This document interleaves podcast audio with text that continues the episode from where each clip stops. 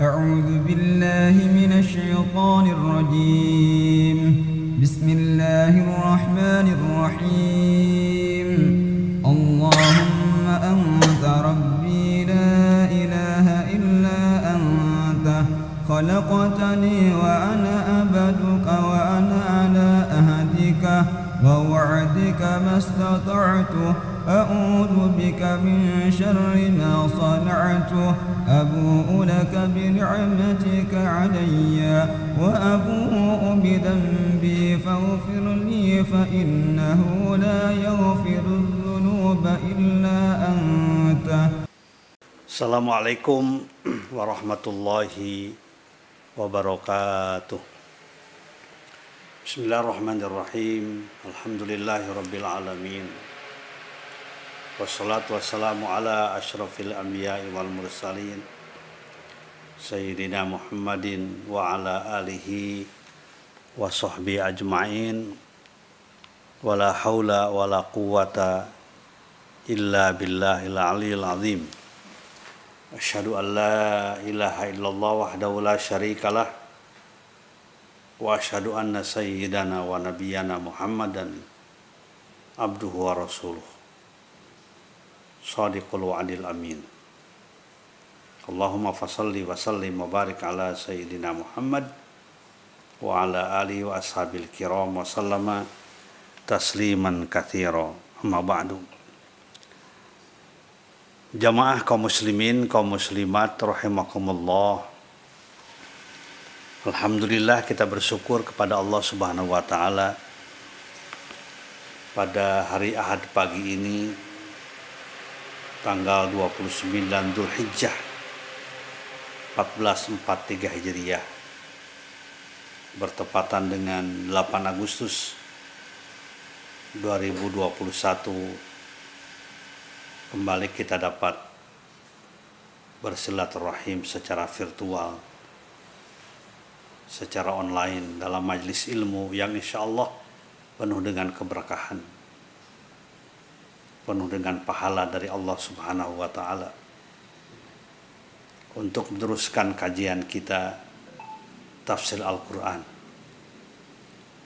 Dan pada pagi hari ini kita akan meneruskan kajian tafsir surat Ghafir, surat Mukmin, surat di Taul, surat yang ke-40.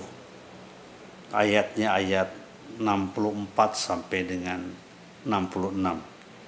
Surat Ghafir ayat 64 sampai dengan 66. Silakan para jamaah diperhatikan ayatnya.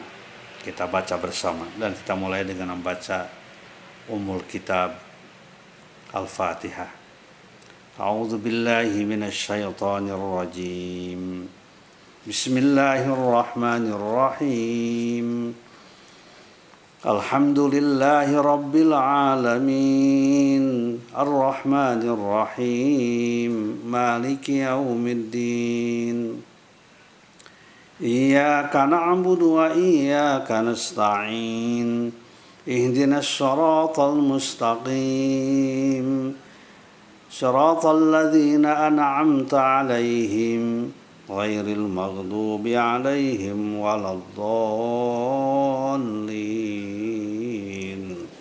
آمين. بسم الله الرحمن الرحيم. الله الذي جعل لكم الأرض قرارا والسماء بناء وصوركم فأحسن صوركم.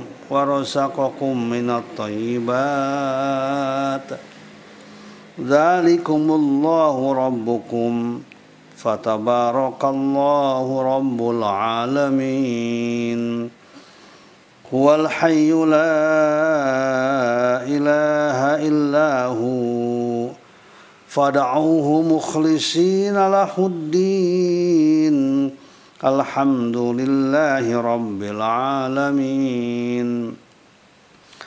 قل إني نهيت أن أعبد الذين تدعون من دون الله. لما جاءني البينات من ربي an uslima li rabbil alamin sadaqallahul azim. Allahu Allah alladzi ja'ala yang telah menjadikan Allah lakum buat kamu sekalian al ardo bumi. Kororon tempat tinggal kororon tempat tinggal tempat menetap. Wasama dan langit binaan sebagai atap. Wasama dan langit binaan sebagai atap wasawwarokum dan Allah telah membentuk kamu sekalian. Bi ahsana suwarakum dengan sebaik-baiknya bentuk dan rupa kamu sekalian. Warozakokum dan Allah telah memberikan rezeki kepada kalian. Minat taibati dari rizki-rizki yang baik yang halal. Dzalikumullah itulah dia Allah. Rabbukum Tuhan kamu sekalian. Fatabarakallahu maka maha berkah Allah, maha agung Allah, Rabbul Alamin, Tuhan yang mengurus alam semesta. Kuah dialah Allah Allah hayu zat yang maha hidup yang kekal hidupnya. La ilaha tidak ada Tuhan, tidak ada ilah yang patut disembah, illa huwa kecuali hanya dia Allah. Fada'uhu maka mintalah kalian kepada Allah beribadahlah kalian kepada Allah. Mukhlisina. Dalam keadaan ikhlas lahu bagi Allah adina dalam beragama. Alhamdulillahi Rabbil Alamin. Segala puji bagi Allah Rabb alam semesta. Kul katakanlah ini sesungguhnya aku nuhitu dilarang aku an a'buda untuk menyembah aku. Alladzina pada Tuhan-Tuhan tadauna yang kalian sembah. Pada berhala-berhala yang kalian sembah min dunillah selain dari Allah Subhanahu wa taala. Lama ja'ani al-bainatu karena datang kepadaku al-bainatu keterangan-keterangan yang gamblang yang jelas min Rabbi dari Tuhanku. Wa umirtu dan aku diperintahkan an uslima untuk menyerahkan diri aku untuk muslim aku Rabbil alamin pasrah sumerah taat kepada ketentuan Allah Rabbul alamin Rabb alam semesta. Sadaqallahul azim. Jamaah kaum muslimin kaum muslimat rahimakumullah. Ada berbagai macam anugerah yang utama yang diberikan Allah kepada manusia. Agar manusia agar kita semuanya dapat melaksanakan tugas kita sebagai khalifah dapat melaksanakan ibadah dengan sungguh-sungguh dengan benar. Sekaligus anugerah itu merupakan bentuk kasih sayang dan cinta rahman dan rahim Allah subhanahu wa ta'ala kepada kita semuanya. Anugerah itu antara lain ada tiga. Di samping anugerah-anugerah yang lain yang utama. Yang pertama Al-Quran. Yang kedua adalah Al-Bayan. Yang ketiga adalah Al-Kaun. Al-Quran, Al-Bayan, Al-Kaun. Dan ini disatu nafaskan di dalam surat Ar-Rahman. Ar-Rahmanu Allam Al-Quran. Khalaqal insana Allamahul bayan. Asyamsu wal qamaru bihusman wan najmu wasyajaru yasjudan al ayat. Ar-Rahman Allah zat yang maha pengasih, maha penyayang kepada manusia. Allah Al-Quran, Allah telah mengajarkan kepada manusia Al-Quran. Khalaqal insana, Allah telah menciptakan manusia Al-Mahul Bayan, mengajarkan kepada manusia Al-Bayan. Al-Bayan berfikir, bisa berfikir, bisa bicara, bisa interaksi, bisa komunikasi, satu dengan yang lain wasyamsu wal qamaru bihusban dan matahari bulan beredar pada garis edarnya wan najmu wasyajaru yasjudan bintang dan pepohonan semuanya tunduk pada ketentuan Allah Subhanahu wa taala. Jadi saya ulangi. Pertama Al-Qur'an, yang kedua adalah Al-Bayan, yang ketiga adalah Al-Kaun. Al-Qur'an kita tahu nikmat yang paling utama, anugerah yang terbesar dalam kehidupan umat manusia. Dia merupakan manhajul hayah, kurikulum kehidupan kita. Apa yang dibutuhkan oleh kita dalam menata kehidupan ini supaya sukses, supaya baik, supaya umat manusia sejahtera, supaya berlaku keadilan, terdapat di dalam Al-Quranul Karim sebagai manhajul hayah, sebagai selabus kehidupan kita. Bahkan Allah Subhanahu wa taala menjelaskan bahwa Quran itu adalah mauidhah. Dia merupakan nasihat. Merupakan syifa, obat bagi setiap problematika manusia. Problematika kemanusiaan sepanjang masa. Syifaul lima fis sudur. Dia merupakan obat problematika rohani, problematika spiritual, problematika perilaku. Huda sebagai petunjuk. Tadkirah, mauidhah, sekaligus sebagai rahmatun lil mu'minin rahmat dan kasih sayang bagi orang-orang yang beriman Rasulullah SAW menyatakan dalam sebuah hadis memberikan ilustrasi tentang Quran ini beliau mengatakan inna hadal Quran ma'dad ma'dabatullahi faqbalu ma'dabatah inna hadal Quran sungguhnya Quran ini ma'dabatullah dia merupakan hidangan dari Allah Bayangkan tuh. Hidangan dari Allah. Sebagai bukti kasih sayang manusia. Supaya jangan kelaparan. Kelaparan rohani maupun kelaparan jasmani. Ma'dabatullah. Dia merupakan hidangan dari Allah. Fakbalu ma'dabatah. Maka terimalah dengan penuh keyakinan kesungguhan hidangan dari Allah Subhanahu wa taala itu. Fakbalu ma'dabatah. Terima oleh kalian ma'dabah ya hidangan dari Allah Subhanahu wa taala baca oleh kalian renungkan fikirkan amalkan kalau kalian ingin mendapatkan kesuksesan dan keselamatan dalam hidup ini. Bahkan kalau kalian tidak ingin sesat dengan aliran-aliran paham-paham keagamaan yang semakin banyak sekarang yang sesat menyesatkan. Banyak seperti bahayah maupun yang lainnya. Aliran yang sesat menyesatkan yang tidak sesuai dengan ketentuan Allah dan Rasulnya yang merupakan penyelewengan dari ajaran Islam maka pelajari oleh kita, dekati oleh kita, amalkan, renungkan, tadaburi oleh kita. Al-Quran. Sekaligus juga dengan penjelasannya yang terdapat dalam sunnah Rasulullah Wasallam atau terdapat dalam hadis. Rasulullah mewasiatkan kepada kita taroktu fikum amraini lan tadillu in tamassaktum bihima abada. Kitab Allah wa sunnata rasul aku telah tinggalkan kepada kalian dua hal dua pusaka yang jika kalian berpegang teguh pada keduanya kalian tidak akan pernah tersesat abadan selama-lamanya dijamin tidak akan tersesat ya selama-lamanya ketika kita berpegang pada Al-Quran dan Sunnah dengan hidayah dari Allah, petunjuk dari Allah, kasih sayang dari Allah, iradah Allah. Lantadillu abada. Ma'in tamassaktum bihima. Selama kalian berpegang pada keduanya. Itulah dia kitab Allah wa sunnah Rasul. Kitab Allah dan sunnah Rasul. Jadi yang pertama karena itu maka kita kaum muslimin semakin banyak problem kehidupan sekarang maka harus semakin dekat berinteraksi, bermuamalah dengan Al-Quran. Jangan jauh dari Al-Quran. Semakin dekat, semakin mendekat kita, semakin mendatangi. Kita hidup tidak akan pernah merugi ketika kita dekat dengan Al-Quran.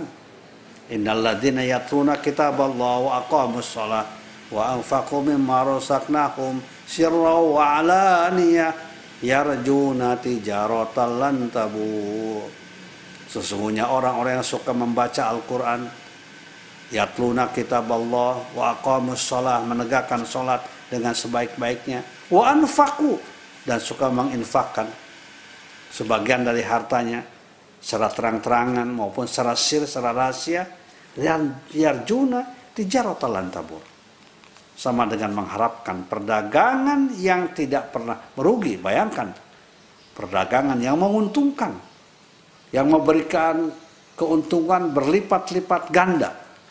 Ratusan persen, minimal 700 persen. Allah akan memberikan keuntungan dalam kehidupan ini ketika kita melaksanakan tiga hal tadi. Jadi itu yang pertama Al-Quran. Yang kedua adalah Al-Bayan. Al-Bayan adalah kemampuan berpikir. Allah menganugerahkan kepada kita akal supaya kita berpikir menggunakan akal dengan sebaik-baiknya tapi atas dasar bimbingan wahyu dari Allah atas dasar bimbingan Al-Qur'anul Karim kemudian kemampuan berinteraksi kemampuan berbicara berdiskusi dan lain sebagainya berkomunikasi satu dengan yang lain ta'aruf saling memberi saling menolong satu dengan yang lainnya itulah dikatakan al-bayan dia itu merupakan nikmat Allah yang Allah berikan hanya kepada manusia. Makanya dikatakan khalaqal insan allamahul bayan. Allah menciptakan manusia allamahul bayan. Allah mengajarkan kepada manusia al-bayan. Kemampuan berpikir, kemampuan berbicara, kemampuan berinteraksi, kemampuan berkomunikasi antara sesama satu dengan yang lainnya, kemampuan bertaruh, kemampuan saling tolong menolong, saling beri memberi al-bayan. Ya. Bahkan kita dikatakan manusia sebagai makhluk yang paling mulia, diberikan kemuliaan karena al-bayan ini, karena akal dan pikiran ini. Walaqad karramna bani Adam. Surat Al-Isra ayat 70. Al-Isra ayat 70. Walaqad karramna bani Adam wa hamalnahum fil barri wal bahr wa razaqnahum minat thayyibat Wa faddalnahum ala kathirin mimman khalaqna tafdila. Sungguh kami telah muliakan Bani Adam, manusia. Kemuliaan manusia tergantung pada apakah dia memanfaatkan tidak anugerah al-bayan ini. Fil barri wal bah, ya. Wa hamalnahum fil barri wal bah. Dan kami bawa manusia ya fil barri wal bah di darat maupun di laut. Wa razaqnahum minat thayyibat dan kami berikan rezeki kepada manusia. Atau tayyibat dengan rezeki-rezeki yang baik yang halal. Jadi sebenarnya kita tidak perlu mencari rezeki yang haram mengutak-atik yang haram supaya menjadi halal karena Allah sesungguhnya sudah menyiapkan rezeki yang at-tayyibat yang halal yang indah yang bermanfaat bagi kehidupan manusia yang tayyib bukan yang hobis bukan yang merusak wa faddalnahum ala katsirin mimman dan kami tinggikan sebagian besar manusia atas yang lainnya. Taftila dengan berbagai macam keutamaan. Kita dilarang mengikuti sesuatu ya tanpa kita mengetahui, tanpa kita berpikir sebelumnya. Wala takfu ma laysa laka bi ilmun inna sam'a wal basara wal fuada kullu ulaika kana anhu masula. Wala takfu kalian tidak boleh mengikuti sesuatu yang tidak kalian tidak pernah pikirkan. Tidak punya ilmu tentang suatu itu. Inna sam'a wal basara wal fuada. Sungguhnya pendengaran, penglihatan, hati dan pikiran. Kullu ulaika kana anhu mas'ula. Semuanya akan dimintai tanggung jawab di hadapan Allah Subhanahu wa taala. Jadi pertama Al-Qur'an, yang kedua Al-Bayan, yang ketiga Al-Kaun. Apa Al-Kaun itu? Alam semesta bumi dan segala apa yang ada di atasnya langit, udara, ya oksigen yang sekarang kita merasakan diuji oleh Allah. Diperlihatkan bahwa ternyata sesuatu yang tidak pernah kita anggap mahal ya. Kita anggap e, datang begitu saja. Ya, kadang-kala kita tidak bersyukur dengan udara yang melimpah, yang gratis. Kemudian sekarang diuji sebenarnya adalah untuk menyadarkan kita betapa anugerah dari Allah luar biasa bagi kehidupan ini. Dan semuanya adalah untuk kepentingan manusia.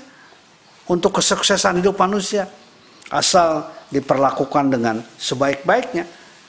Agar dimanfaatkan dengan sebaik-baiknya. Nah salah satu fungsi manusia sebagai khalifah fil ar, khalifatullah fil ar adalah memanfaatkan al-kaun ini, alam semesta ini untuk kepentingan bersama bukan untuk kepentingan kelompok tertentu, orang tertentu dengan kerakusan yang luar biasa. Ya. Itu tidak boleh terjadi kalau manusia ingin bahagia, ingin sukses. Harus kita hindari sifat rakus, menguasai alam untuk kepentingan pribadi dan kelompoknya. tanpa dilandasi oleh aturan dan norma yang benar yang mencerminkan keadilan dan kejujuran. Allah menciptakan ini semuanya untuk kepentingan manusia. Coba kita lihat ayat yang kita baca tadi ya. Surat apa? Eh, Ghafir tadi ayat 64 dan sampai dengan 66 menggambarkan itu. Allahul ladzi ja'ala lakumul arda qarara. Allah yang menciptakan buat kepentingan kamu sekalian. Ja'ala lakum, ja'ala lakum. Allah menjadikan lakum buat kepentingan kamu sekalian. Sakhara lakum mentaskhirkan Allah menundukkan lakum buat kamu sekalian. Jadi buat kita semuanya. Ya, kororon bumi itu sebagai tempat tinggal, sebagai tempat diam. Baik ketika kita hidup maupun juga ketika kita meninggal dunia. Ketika wafat pun juga masuk ke dalam bumi. Ya, minha khalaqnakum dari bumi kita diciptakan, kemudian kita hidup di atas bumi dan akan kembali masuk ke dalam bumi, ke dalam tanah. Ya. Allahul ladzi ja'ala lakumul qararan was binaa dan langit yang Allah jadikan sebagai atap sebagai payung yang tegak berdiri dengan indahnya dengan kuatnya tanpa ada tiang-tiang ya yang menyangganya. Beda dengan kita. Kita tidak bisa membangun tanpa tiang-tiangnya penyangganya. Ya. Qarara was samaa binaa wasawwarakum bi'ah fa'asana suwarakum. Dan Allah membentuk kalian memberikan rupa kepada kalian. Yusawwirukum fil arham kaifayasa Allah memberikan rupa membentuk rupa kalian. Kaifayasa sesuai dengan kehendaknya. Tapi fa'asana suwarakum Allah menciptakan kalian dengan bentuk yang terbaik. Bahkan dalam tafsir dikatakan bagaimana semua anggota tubuh manusia diterap ditempatkan oleh Allah secara simetris. Yang satu dengan yang lainnya sangat simetris sangat indah apa yang kita miliki ini. Alat-alat panca indera sangat indah fahsana suarakum ya menjadi bukan sekedar indah tapi juga sangat simetris ada telinga di sebelah kiri kanan mata di depan dan lain sebagainya berjalan tegak berjalan dengan dua kaki Beda dengan binatang. Binatang sejajar antara otaknya dengan perutnya. Ya. Dan lain sebagainya. Jadi sangat fahsana suarakum. Allah membentuk rupa kalian dengan seindah-indahnya uh, rupa. Atau di dalam surat yang lain, laqad khalaqnal insana fi ahsani taqwim. Tapi yang harus kita sadari, manusia mulanya bukan mulianya bukan terletak pada rupanya, bukan terletak pada fisiknya. Ya, bahkan juga ada manusia yang jatuh derajatnya lebih buruk dari binatang. Ya, karena hanya melihat penampilan, melihat pelahiriahnya. Betul kalau lahiriahnya fa'asana sorokum. Tapi nilai manusia bukan ditentukan oleh itu. Ditentukan oleh akidahnya, hatinya, imannya, takwanya kepada Allah Subhanahu wa taala. Inna Allah la yaduru ila suarikum wala ila ajsamikum walaki yanturu ila qulubikum wa a'malikum Allah tidak pernah melihat hanya melihat rupa kalian ya bentuk kalian jisim kalian badan kalian Allah tidak akan hanya sekedar menilai itu walaki yanturu ila qulubikum tapi Allah akan melihat pada hati kamu sekalian wa amalikum dan amal perbuatan kamu sekalian. Oleh karena itu maka yang diperbaiki oleh kita bukan sekedar fisik, tapi juga rohani kita, mental kita. Sama dengan pengobatan ketika kita menghadapi sekarang pandemi COVID-19 ini. Bukan sekedar yang diperhatikan masalah yang berkaitan dengan fisik, tapi juga hati kita, emosi kita, perasaan kita, jiwa kita, kalbu kita dihubungkan, didekatkan dengan Tuhan yang menciptakan kita.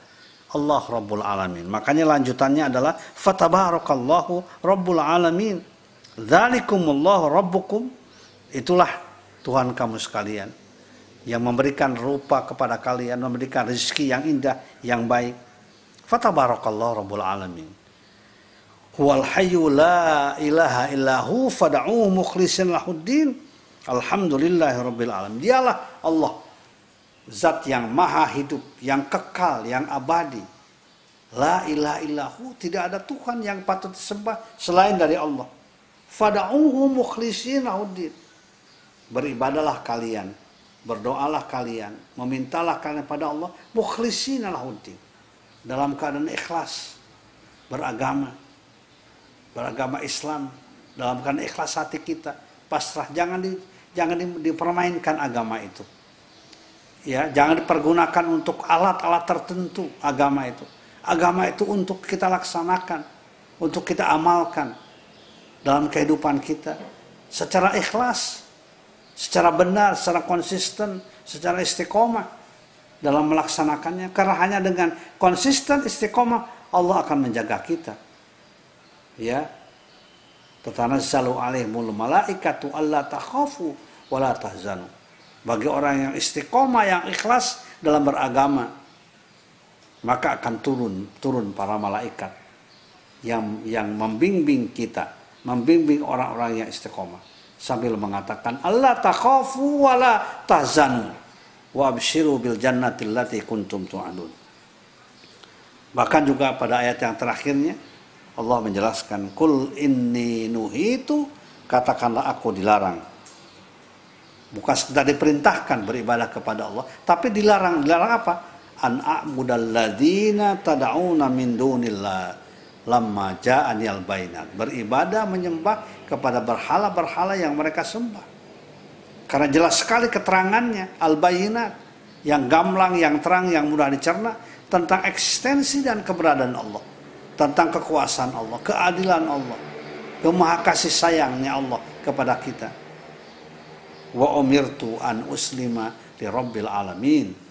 Dan juga aku diperintahkan supaya menjadi muslim menyerahkan diri secara total secara fisik maupun secara rohani Rabbil Alamin kepada Tuhan yang mengurus alam semesta Rabbul Alamin Rabb alam semesta ya oleh karena sekali lagi maka perlu kita mengikhlaskan diri kita hati kita akan menjadi muslim yang baik wallahu alam Bismillahirrahmanirrahim ini pertanyaan minggu lalu Hmm. dari Pak Dedi Permadi. Assalamualaikum Ustadz. Waalaikumsalam. Ya. Bagaimana caranya agar nasihat dan dakwah orang tua yang saat ini telah berhijrah dari dosa besar dan kesalahan di masa lalu didengar oleh istri dan anak-anaknya? Ya, yang namanya dakwah untuk kebaikan pasti banyak tantangannya. Apalagi kalau misalnya pernah diketahui Eh, bapaknya atau suaminya itu melakukan sesuatu meskipun sekarang sudah bertobat. Tetapi yang perlu disadari oleh keluarga orang yang bertobat dari dosa dan kesalahan sama dengan orang yang tidak pernah berbuat dosa. Atta ibu minal dambi kaman la zanbalah. Begitu kata Rasulullah SAW. Atta ibu minal dambi. Orang bertobat dari suatu dosa, kaman la zanbalah seperti orang yang tidak pernah berdosa sama sekali. Orang itu maka harus kita hargai. Kalau ada orang yang bertobat sungguh-sungguh, jangan mengatakan, oh dia mah dulu mah begitu, begitu, begini ya. Dijelek-jelekan, jangan. Kalau orang bertobat, apalagi keluarga, apalagi orang tua, kita harus hargai, kita harus hormati. Ya, belum tentu lebih baik, apa, belum tentu lebih buruk dari kita. Ya, tobat itu kan membersihkan tabak kembali kepada Allah Subhanahu wa taala dengan penuh kesungguhan. Dan kepada orang tua yang tadi terus ya berdakwah mengajak ya kepada istrinya, pada anaknya jangan bosan-bosan. Karena memang ajakan yang baik itu tausiah namanya itu akan menyebabkan kita menjadi orang yang tidak akan rugi dalam kehidupan ini. Tawasau bil haqqi, tawasau bis sabri, tawasabil marhamah ya bertausiah mengajak memberikan nasihat bil dengan kebenaran dengan kesabaran dan juga dengan kasih sayang jadikanlah keluarga sebagai tempat persemaian kebaikan-kebaikan amal soleh keluarga di dunia harapan kita menjadi keluarga di akhirat nanti keluarga di dunia keluarga yang ibadah kemudian mudah-mudahan nanti masuk surga secara bersama-sama di surga Allah Subhanahu wa taala. Jadi perlu dilahirkan optimisme. Ya sifat optimis. Jangan terlalu banyak bicara masa lalu, apalagi kalau masa lalu sekedar untuk mengungkap-ungkap mengutik-utik istilahnya. Ya kita jadikan ibroh pelajaran masa lalu itu untuk perbaikan masa sekarang dan di masa yang akan datang. Berikutnya dari Pak Joni Raffles Official. Assalamualaikum Ustadz semoga Ustadz Assalam. sehat selalu. Amin. izin bertanya apakah membaca ayat Quran dalam sholat fardu setelah Al-Fatihah boleh dipenggal dari tengah ayat terima kasih Ya, coba dilihat ya di dalam surat Al-Muzammil ayat yang terakhir. Di situ kan sedang apa? Membicarakan tentang masalah eh, sholat juga ya. Coba kita lihat dulu ya surat Al-Muzammil ya. Jadi surat yang membicarakan tentang bagaimana kita bangun malam melaksanakan sholat.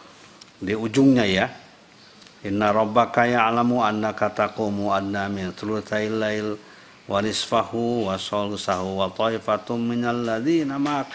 Wallahu yuqaddiru laila wan nahar.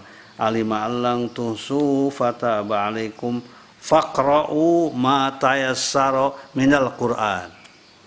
Jadi kalau kita sholat, meskipun ini adalah sholat sunnah ya, sama saja kan, rukun dan syaratnya sholat fardu kan sholat sunat, hanya beda statusnya, hukumnya. Fakra'u ma tayassara minal Qur'an. Bacalah ya yang mudah dari Al-Qur'an yang kalian bisa maksudnya. Ya, kalau kita bisa misalnya kita bisa bacanya dalam surat eh, dalam sholat kita hanya bisa ayat-ayat tertentu silakan baca ya fakra'u ma tayassara minal Qur'an bahkan diulangi lagi fakra'u ma tayassara minhu. Bacalah oleh kalian ma tayassara minhu. Jadi tidak mesti dari awal ya. Asal tentu diupayakan uh, apa penggalan-penggalannya satu apa ya satu tema misalnya ya penggalan-penggalannya ya.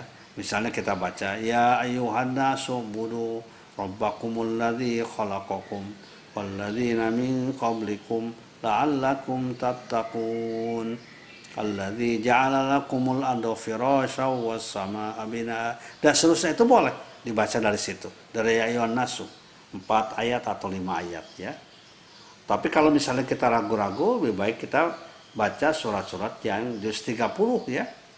Dalam juz 30 yang pendek-pendek al-insyirah atau alam nasroh dari ayat pertama sampai dengan terakhir atin ya al-lumaza at-takasur dan lain sebagainya berikutnya dari Pak uh, Stefri Juwana Assalamualaikum Pak Kiai Semoga Waalaikumsalam dalam keadaan sehat walafiat. Amin.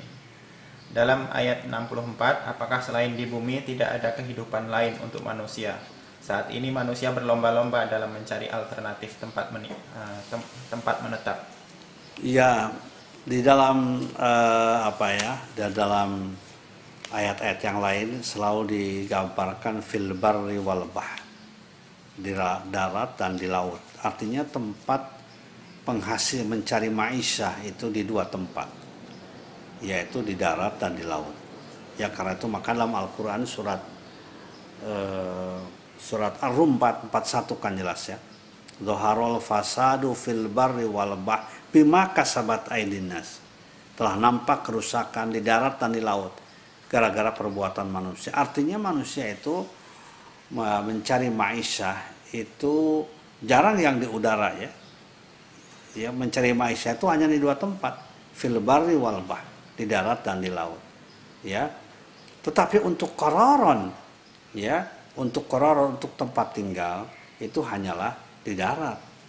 Ya, di laut itu tidak apa ya, di tengah laut misalnya kan tidak tidak ti- tidak bukan tempat yang yang kororon ya. Kororon itu hanyalah di darat. Ya, di darat se- sebagai tempat tinggal ya. Bukan tempat bukan semata-mata tempat istirahat. Di laut bisa saja kita punya apa gedung-gedung yang megah misalnya ya hotel-hotel di pinggirnya tapi kan hotel-hotel juga di pinggirnya supaya bisa melihat ke laut pandangan tapi tempat tinggal itu adalah di muka bumi ini di, di darat ini kororon ya minha khalaqnakum ya eh, kami ciptakan dari darat dari tanah ya kalian kemudian kemudian kalian hidup di atas tanah dan akan kembali ke tanah Berikutnya dari Pak Asfahani Khairul Huda. Assalamualaikum, izin bertanya Ustadz. Waalaikumsalam. Dalam membaca surah Yasin, ada ayat yang membacanya beberapa kali. Salamun qawlam rahim. Adakah larangannya Ustadz? Jazakallah. Iya, eh, itu tuh untuk memantapkan ya, memantapkan. Tapi sebaiknya sih kalau tidak ada keperluannya, kita baca satu kali aja sama dengan yang lain. Ya, salamun qaulam mir rabbir rahim wa amtazul yauma ayyuhal mujrimun. Ya, salamun qaulam mir rabbir. Keselamatan ya, salamun itu kan di surga ya. Qaulam mir rabbir rahim. Wa amtazul yauma ayyuhal mujrimun. Jadi satu kali saja ya kita bacanya ya. Eh, tidak perlu sampai berulang-ulang. Sama dengan doa ini ya. Doa di ujung surat Al-Baqarah.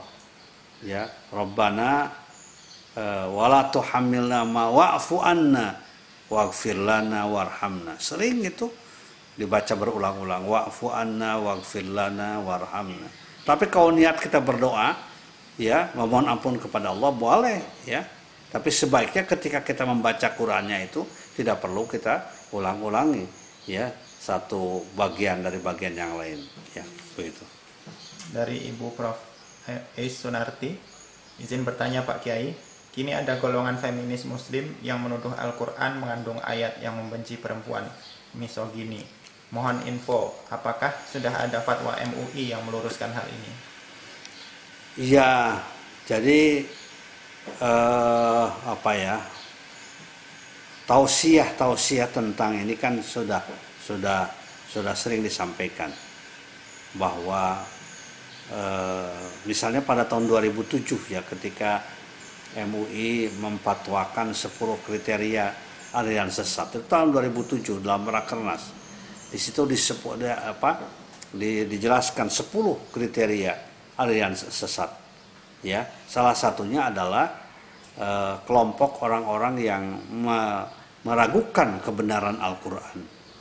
Jadi secara umum itu ya yang meragukan melecehkan otentisitas apa otentisitas originalitas dari Al-Qur'anul Karim. Diragukan ya. Termasuk itu juga. Ayat-ayatnya dikatakan anti kepada kaum wanita ya kemudian menolak persamaan laki-laki dengan perempuan. Padahal kalau kita lihat tidak ada satupun ayat yang membedakan laki-laki dengan perempuan. Ya hanya menjelaskan tentang fungsinya. Tapi statusnya satu dengan lainnya sama dalam pandangan Allah. Bahkan juga kegiatan-kegiatan juga banyak dipersamakan dalam Al-Quran. Coba kita lihat misalnya ya surat An-Nahl 97 man amila solihan min dzakarin aw unsa wa huwa mu'minun. Ya. Man amila solihan barang siapa yang beramal soleh min dzakarin aw unsa laki-laki maupun perempuan wa huwa mu'minun dalam keadaan beriman. Falanuhyiyannahu hayatan thayyibah akan kami berikan kehidupan yang baik. Mu, ya eh, min dzakarin aw unsa sama itu. Ya. Tidak tidak dibeda-bedakan satu dengan yang lainnya bahkan sebenarnya eh, orang yang mengatakan apa ya eh, apa persamaan gender itu itu sebenarnya sudah ketinggalan. Ya yang ada itu sebenarnya keserasian. Ya, Islam itu mem- mem- memerintahkan keserasian laki-laki dengan wanita. Dalam keluarga maupun juga di luar keluarga. Tentu keserasian yang ditekankan. Kalau misalnya di dalam keluarga suami dengan istri itu keserasian yang di yang diperintahkan. Masing-masing melaksanakan tugas dengan sebaik-baiknya. Kemudian bukan bersaing dalam karir ya saling apa saling mendahului satu dengan yang lain tapi saling mendukung. Bahkan dalam kehidupan sosial juga begitu. Coba dilihat surat At-Taubah 71 wal mu'minuna wal mu'minatu ba'duhum awliya'u ba'din ya'muruna bil ma'ruf wa yanhauna 'anil munkar dan seterusnya. At-Taubah 71 wal mu'minun mu'min laki-laki wal mu'minat dan mu'min perempuan. Ba'duhum awliya'u ba'din. Sebagian dari mereka pendukung sebagiannya lagi. Pembela yang lain. Bertahun bersinergi berkolaborasi. Ya. Bahkan juga tegas di situ kan ya'muruna bil ma'ruf wa yanhauna 'anil munkar melaksanakan tugas amar ma'ruf nahi munkar. Artinya apa? Amar ma'ruf nahi munkar bukan hanya tugas kaum laki-laki tapi juga tugas kaum perempuan. Tentu sesuai dengan bidangnya. Misalnya sebagai contoh ya salah satu amar ma'ruf nahi munkar yang yang luar biasa pahalanya investasi dunia dan akhirat itulah membangun keluarga mendidik anak-anak kita. Ya karena itu pendidikan anak-anak jangan dianggap sepele. Sebuah apa sebuah amanah yang besar. Dilakukan secara bersama-sama dengan di depan kaum ibu misalnya.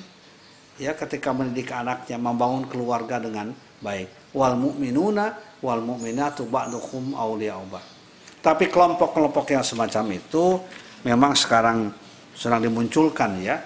Oleh karena itu maka eh, MUI juga tentu sudah dari dulu ya mem, bukan memberikan tausiah kepada umat untuk menghindari pendapat-pendapat yang kontroversial ya.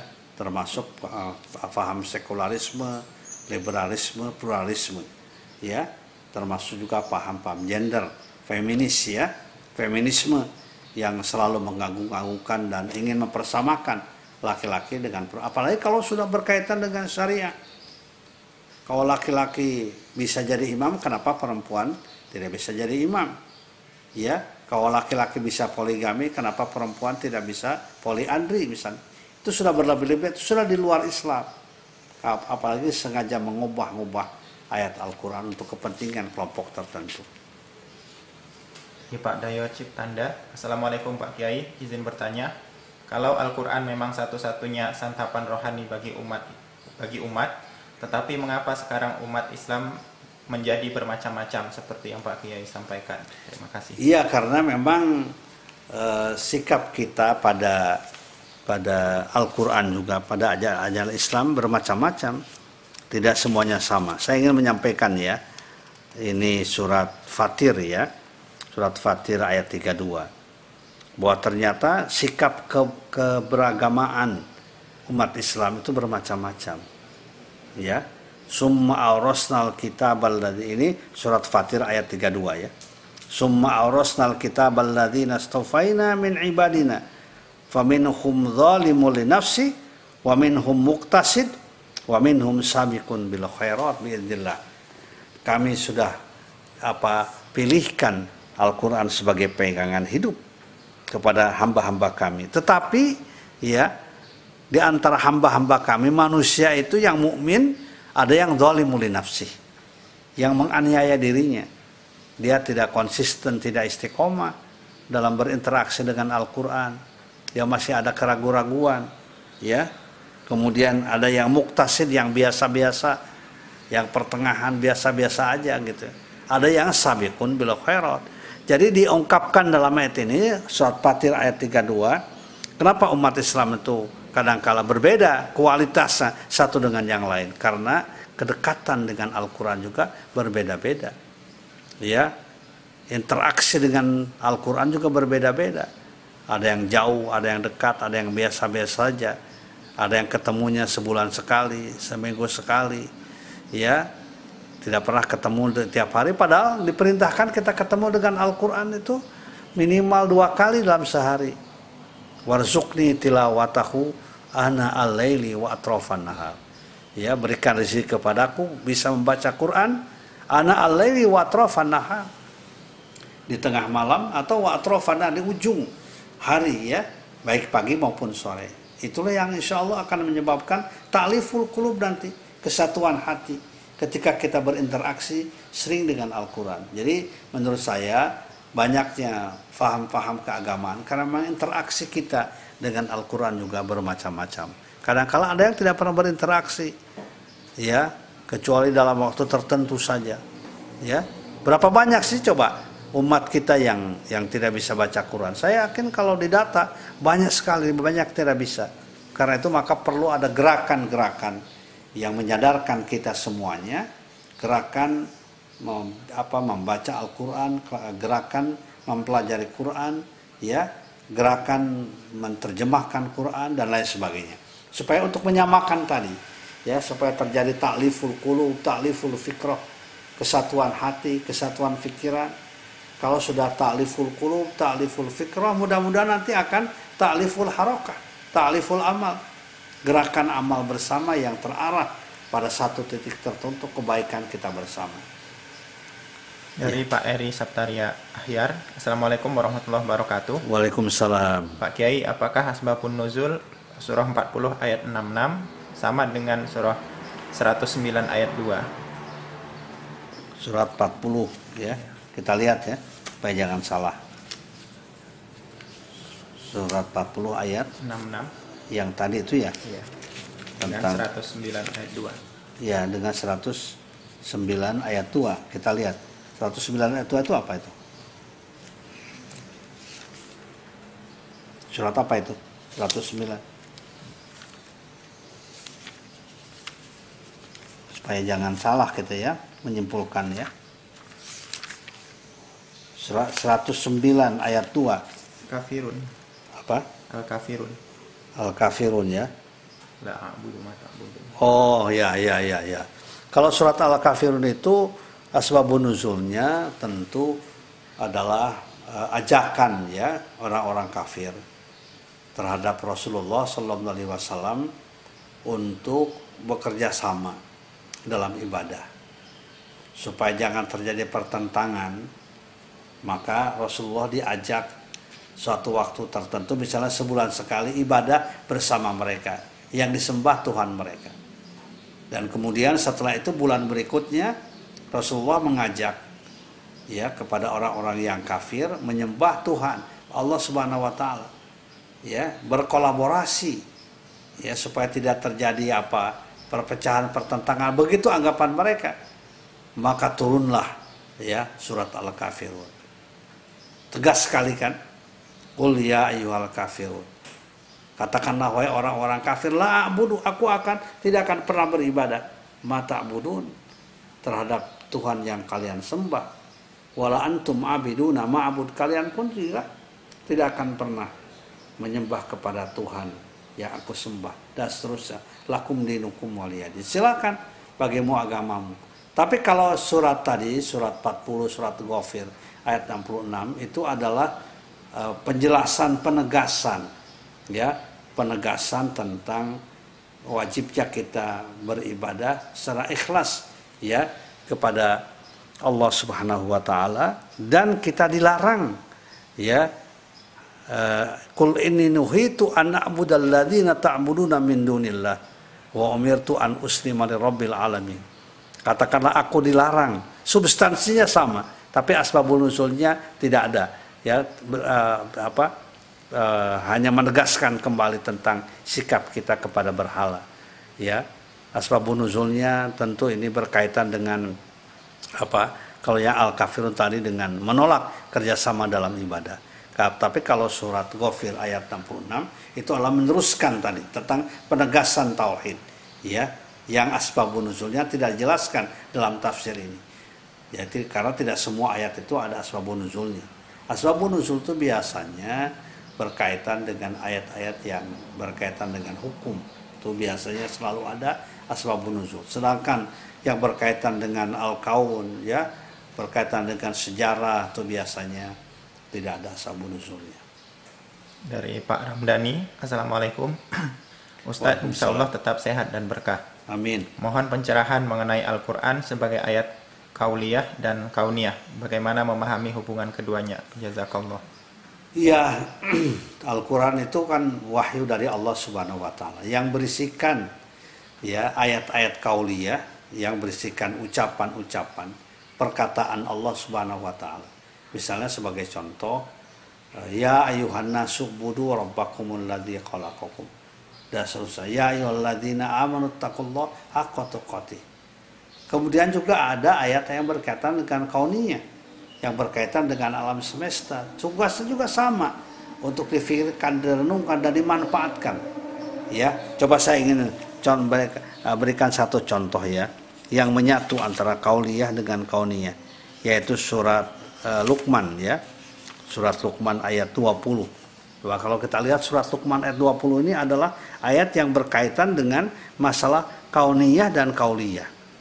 Alam tarau anna Allah sakhara lakum ma fis samawati wa ma fil ard wa asbagu alaikum ni'amahu zahiratan wa batina wa minan nasi may yujadilu fillahi bighairi ilmin wala hudan wala kitabim munir. Nah ini ya.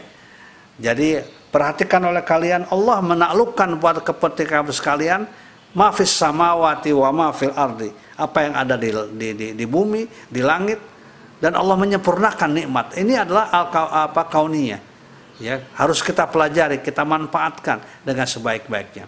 Tapi banyak banyak orang yang kemudian tersesat karena dia hanya memanfaatkan apa kauniyah ini tanpa didukung oleh kaulia tanpa dilandasi oleh kaulia. Karena itu ketika kita mengeksploitasi misalnya ya, ketika kita memanfaatkan alam semesta, perhatikan oleh kita ayat-ayat yang berkaitan dengan kaulia. Perhatikan oleh kita, jangan sampai ketika kita memanfaatkan tanah, hutan, pohon untuk kepentingan kehidupan, kemudian kita merusak.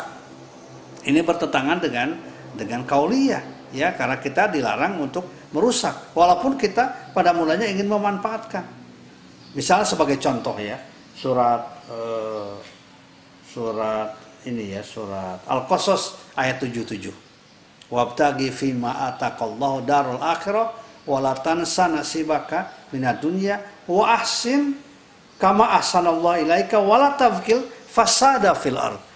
Ya innallaha la artinya ayat itu menggambarkan kita diperintahkan untuk hidup memanfaatkan dengan sebaik-baiknya kehidupan dunia yang baik tapi tujuannya akhirat berbuat baik kepada orang lain seperti Allah berbuat baik kepada kita tapi jangan merusak. Merusak itu artinya adalah bertentangan dengan ayat-ayat kauliyah. Itu artinya ayat kauliyah sebagai norma sebagai etika sebagai hukum sebagai aturan. Ya namanya manhajul haya. Tapi kalau ayat kauniyah itu namanya wasilatul haya. Jadi saya ulangi ya, kalau Al-Quranul Karim sebagai ayat-ayat kauliyah itu namanya adalah manhajul hayah. Tapi ketika kita bicara pohon, hujan, itu namanya adalah apa wasilatul hayah, sarana dan prasarana untuk kehidupan kita. Manhajul hayah itu hubungannya dengan wasilatul hayah. Dari Pak Heri Rustiono, Ustadz maaf bertanya, hadis tentang sholat sunnah sebelum subuh lebih baik dari dunia dan isinya. Maksudnya di sini sholat tahiyatul masjid sebelum azan subuh atau sholat qobliyah subuh. Mohon penjelasan. Syukron. Hadisnya rokaat al-fajri ya. Ya, rokaat al-fajri itu artinya dua rakaat sebelum sebelum sholat subuh. Jadi bukan tahiyatul masjid. Kalau tahiyatul masjid kan umum ya, tahiyatul masjid itu. Idza dakhala ahadukumul masjidah fala yajlis hatta yusalliya ini. Itu adalah hadis yang berkaitan dengan eh, apa dengan tayatul masjid.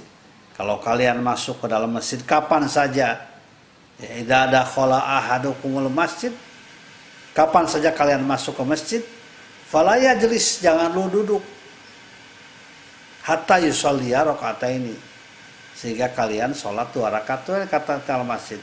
Tapi kalau ketika bicara Eh, qobliyah subuh itu kan al fajri khairum minad dunya wa ma fiha. Dua rakaat fajar maksudnya dua rakaat qobliyah subuh ya khairum minad dunya wa ma fiha. Lebih baik dari dunia dan segala isinya. Jadi luar biasa. Ya memang sholat subuh itu kan berat ya.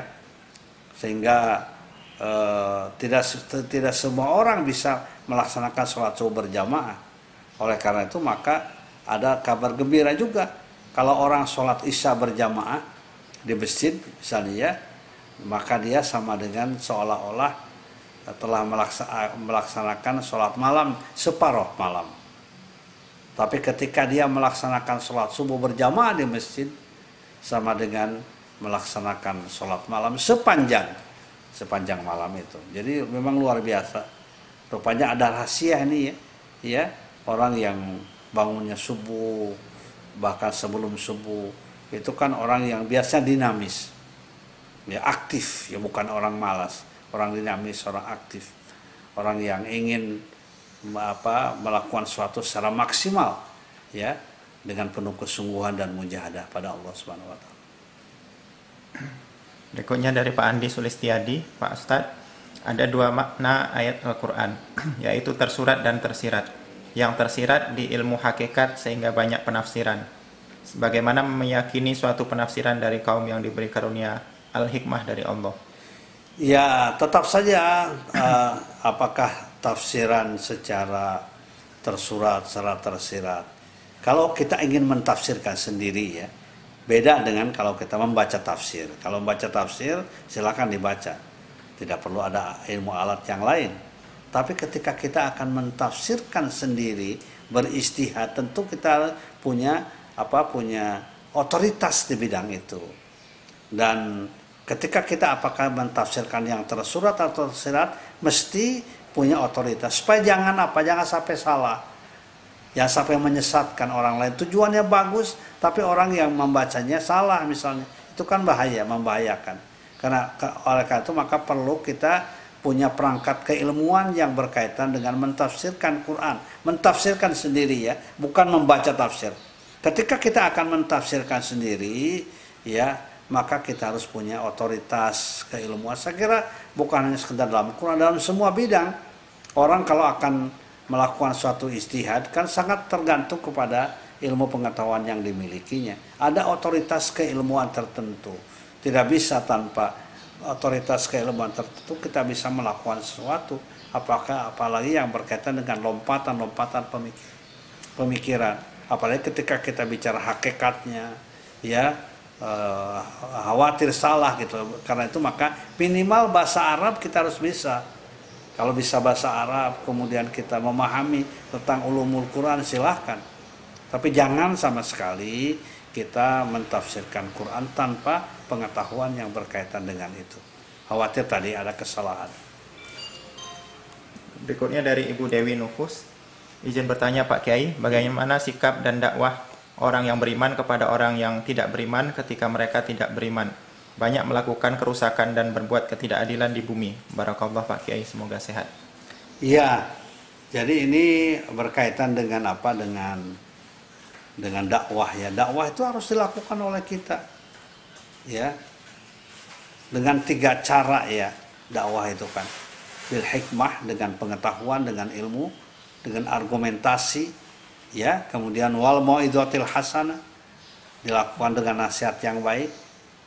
Kemudian wajadil hum billati ya asan surat An-Nahl ayat 125 dan dengan diskusi mujadalah ya berargumentasi yang ngadu argumentasi ngadu dalil ya billati ya asan dengan cara yang baik. Juga bisa dakwah dilakukan dengan bilhal bilhal ya dakwah dengan bukti dengan nyata ya bukan sekedar dengan lisan tapi juga dengan apa bukti misalnya bidang ekonomi dakwah di bidang pendidikan. Kita buktikan ekonomi syariah lebih baik dari ekonomi konvensional. Kita buktikan dakwah dengan bukti. Demikian pula dakwah di bidang pendidikan di bidang kesehatan dan lain sebagainya. Saya kira tetap kita harus berdakwah pada siapa pun juga. Karena dakwah itulah penyebab kita akan mendapatkan al-falah mendapatkan kebahagiaan. Kalau kita tidak terlibat, kita kita hanya menjadi penonton dalam gerakan dakwah, tidak menjadi pemain sesuai dengan bidang kita masing-masing, maka kita tidak termasuk ke dalam ulai kaumul muflihun. Hanya orang yang terlibat dalam kegiatan dakwah yang mereka termasuk ke dalam kelompok al-falah. Dari Pak Agus Nugraha, izin bertanya tentang surah Ibrahim ayat 7 tentang bersyukur bersyukur atas nikmat Allah. Hmm. Apakah orang-orang yang tidak bersyukur kafartum termasuk orang kafir? Ya, di sini kafar itu uh, kufur itu bukan kufur dalam pengertian kufur keluar dari Islam ya. Tapi lain kafartum inna ada bila sadid. Kalau kalian kufur ya, maksudnya tidak kufur nikmah maksudnya tidak tidak memanfaatkan nikmat itu dengan sebaik-baiknya untuk pengabdian kepada Allah inna adzabi lasadid sungguhnya azabku lasadid sangat dasar coba Bapak Ibu sekalian ya kita lihat ayatnya ini menarik sebenarnya ya yang berkaitan dengan surat Ibrahim ini surat ke-14 ada perbedaan yang sangat menarik ya. Wa in ta'adzana rabbukum la in syakartum la azidannakum. La in syakartum itu kalimat kerja. Kalau kalian bersyukur la azidannakum. Pasti kami akan tambah kalian. Jadi kata kerja dijawab dengan kata kerja. Tapi ketika kufur tidak tidak begitu ayatnya walain kafartum. Ini kata kerja. Kalau kalian kufur tidak memanfaatkan e, nikmat dari Allah untuk kebaikan, inna adzabi lasadid. Bukan lau adzibannakum bukan, tapi disebutkan inna adzabi lasadid. Afirmatif saja. Hanya penjelasan. Ingatkan kalau kalian kufur terhadap nikmatku, sungguhnya azabku sangat dahsyat. Jadi tidak dikatakan seperti tadi kan, lain sakartum la zidannakum. Kata kerja, kata kerja. Tapi kalau ini tidak, walain kafartum kata kerja, dijawabnya dengan kalimat biasa, penjelasan. Inna azabi lasyadid. Sungguhnya azabku lasyadid sangat sangat dahsyat. Ini menggambarkan kasih sayang Allah. Ketika orang bersyukur, langsung akan dibalas. Ya, misalnya orang punya harta, dia bersyukur pada Allah dengan infak, maka ketika dia berinfak pasti akan dibalas oleh Allah. Anfik yunfak, ya kalian berinfak yunfak kalian akan dibalas, ya. Tapi kalau uh, melakukan kesalahan, ya tidak bersyukur kepada Allah, tidak langsung dikatakan akan dibalas langsung, tidak. Inna adzabila sadid, hanya diingatkan saja. Ini menggambarkan tentang kasih sayang Allah lebih besar daripada azabnya. Inna rahmati wasiat kullasyai. Rahmatku lebih luas dari dari segala-galanya. Ya. Jadi kita bersyukur ya. Karena itu maka kita bersyukur pada Allah agar nikmat-nikmat yang Allah berikan bertambah. Ya, bertambah banyak, bertambah berkah, bertambah berlipat ganda dan lain sebagainya. Dari Ibu Elvira Junita, Assalamualaikum Pak Kiai. Dalam surah Ghafir ayat 65, maka sembahlah dia dengan tulus ikhlas beragama kepadanya. Jika kita beribadah, ada faktor takut akan azabnya, apakah itu masih dikategorikan ikhlas? Insya Allah ikhlas itu kan, ya, kalaupun takut, takut karena Allah. Ya, cinta, cinta karena Allah itu bagian dari keikhlasan. Jadi jangan ya, jangan apa jangan dikatakan kalau kita takut sama sisa Allah tidak dikatakan ikhlas perintah dari Allah sendiri kita harus takut sama Allah. Fattakuni, farhabuni, wa iyaya fattakun, wa iyaya farhabun. Kepada akulah kalian harus takut. Boleh saja. Bahkan diperintahkan. Yang jangan tuh takut kepada yang lain. ya Sehingga kita menurut pada yang lain. Itu yang jangan. Takut tanpa reserve kepada yang lain, pada makhluknya misalnya sehingga kita tidak bisa beribadah gara-gara takut sama makhluk tidak tapi kalau takut kepada Allah mengharapkan ridho Allah kemudian mengharapkan surga Allah, mendapatkan pahala dari Allah, insya Allah itu bagian dari keikhlasan. Karena tujuannya adalah langsung kepada Allah Subhanahu wa Ta'ala. Jangan dikatakan tidak ikhlas, itu insya Allah masuk pada bagian ikhlas. Dari Ibu Komariah Ahmad, Assalamualaikum. Kalau orang kafir dunia adalah surganya, bagi orang beriman dunia adalah neraka.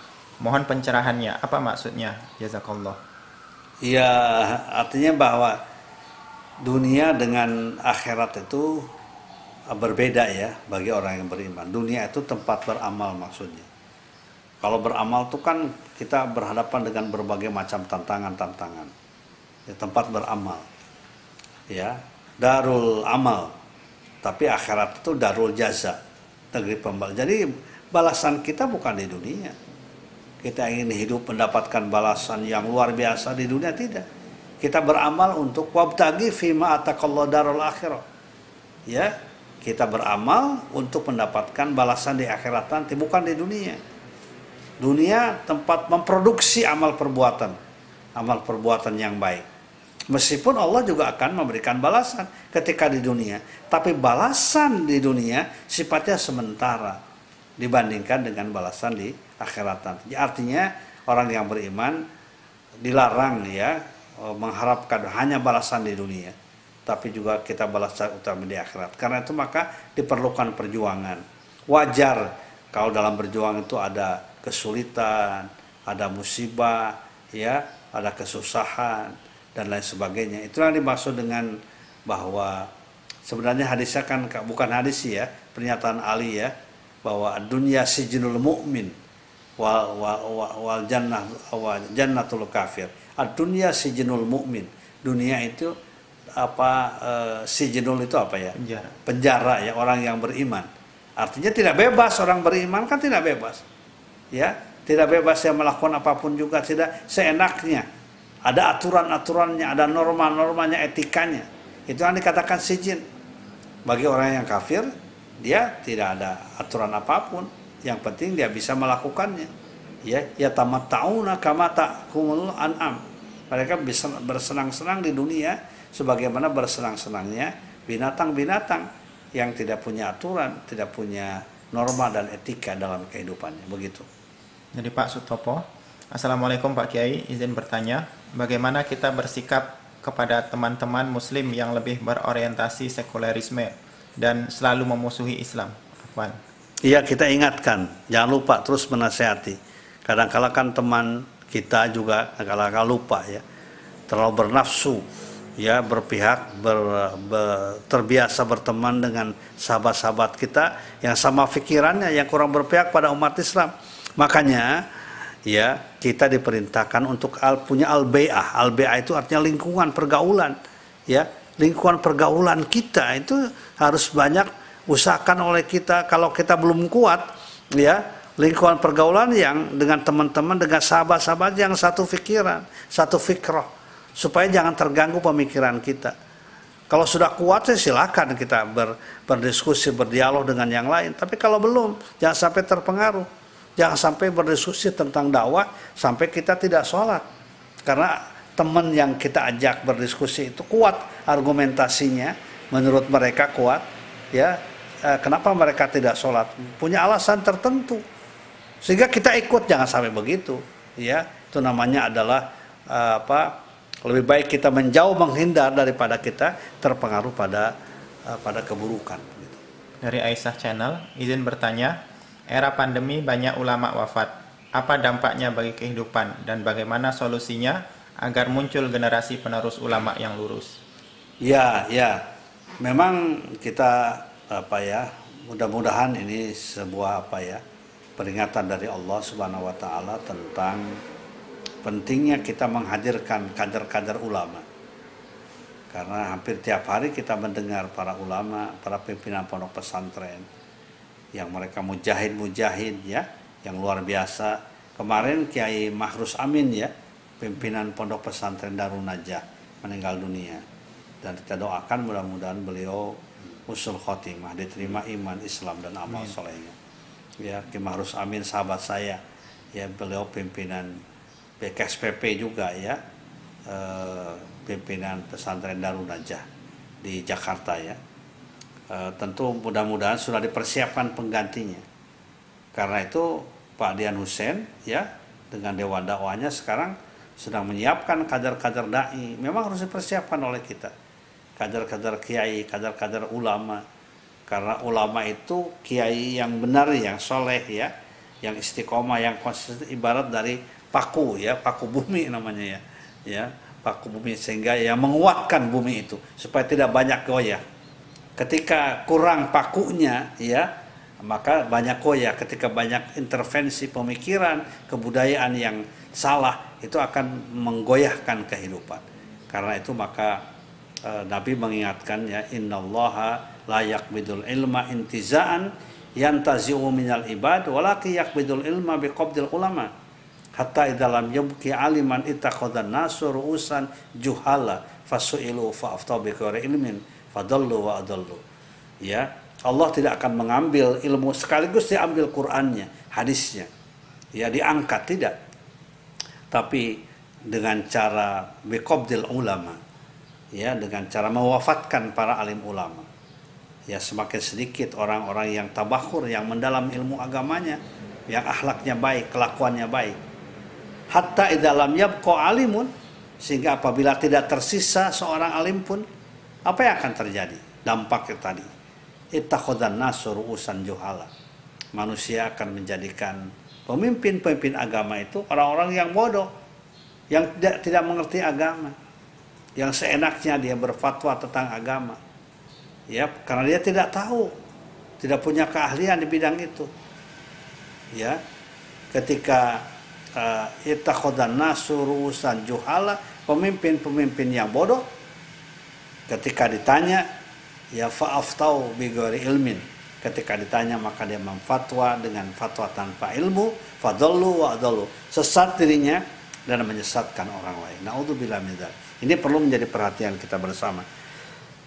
Karena itu maka proyek-proyek pesantren ya atau kegiatan-kegiatan yang dalam rangka melahirkan ulama kader ulama mendapatkan dukungan penuh dari kita kaum muslimin dukungan pikirannya, pengetahuannya, sarananya, biayanya harus kita pikirkan untuk kemaslahatan umat di masa yang akan datang. Ini sudah 6.40, pertanyaan masih banyak. Minggu depan aja lah. Minggu depan ya. Sekarang doanya. Terima banyak kasih. sekali masih. Terima kasih ini banyak pertanyaan. Kita tidak mesti sekarang ya. Bisa minggu depan lah ya. Ini ada yang minta doa. Pertama ya. dari Pak Ujang Nur Hadi. Pak Ustadz mohon doanya barusan saja besan saya wafat di RS Tasik jam 5.50. Hmm. Almarhumah yang pernah akad nikah anak saya di Masjid Biru Ciawi. Hmm. Innalillahi wa inna ilaihi rajiun. Kemudian dari Wat Rukiah Channel Mohon doa Pak Kiai agar para pemimpin fasik yang selama ini menjerumuskan bangsa ini kepada keburukan dan kehinaan dan kekufuran agar segera diberi kesadaran atau mundur atau Allah akhiri kekuasaannya. Ya. Memang doanya pertama Pak Ujang ya, Pak Ujang Nur Hadi itu jamaah kita dari dulu tuh. Ya. Saya pernah mengawinkan ikut mengawin apa?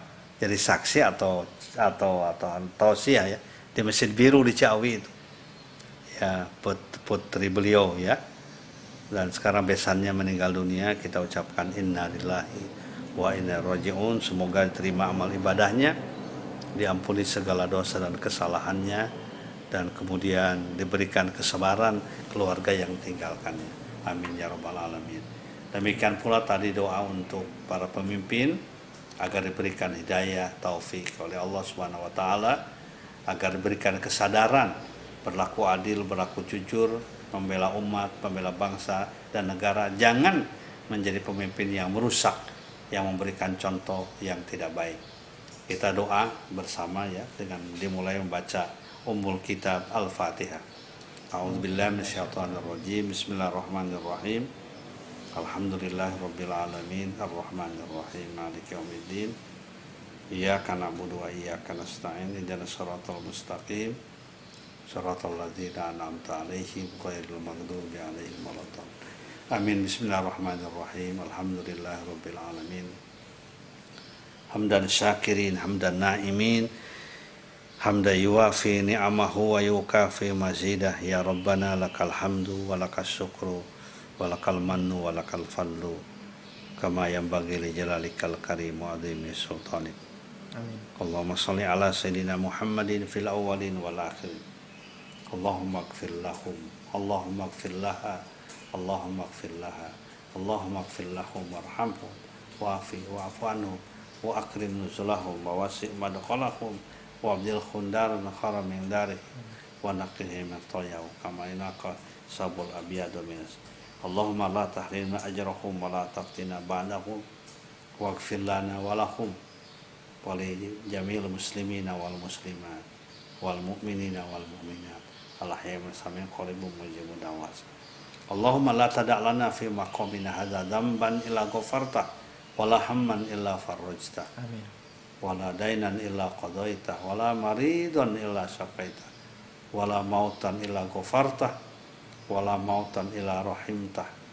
Wala aiban illa satarta. Wala dhallan illa hadaita. Wala hajatan min hawai dunya wal akhirah. Illa qadaita wa yasartaha bi rahmatika ya rahman rahimin. Allahumma walli umurana khiyarana wa la tuwalli umurana syirarana Allahumma walli umurana khiyarana wa la tuwalli umurana syirarana Allahumma walli umurana khiyarana wa la tuwalli umurana syirarana Allahumma ahliki dhalimina bil-dhalimin Allahumma ahliki zalimina bizzalimin Allahumma ahliki zalimina bizzalimin wa adilla syirka wal musyrikin Rabbana atina min ladunka rahmah وهيئ لنا من أمرنا رشدا ربنا آتنا في الدنيا حسنة وفي الآخرة وقنا عذاب النار وصلى الله على سيدنا محمد سبحان ربك رب العزة عما يصفون وسلام على المرسلين والحمد لله رب العالمين Mari kita tutup pengajian kita pada hari ini. Insya Allah mudah-mudahan dengan izin Allah kita bertemu kembali pada minggu yang akan datang. Subhanakallahumma wa bihamdika asyhadu an la ilaha illa anta astaghfiruka wa atubu ilaik. Assalamualaikum warahmatullahi wabarakatuh.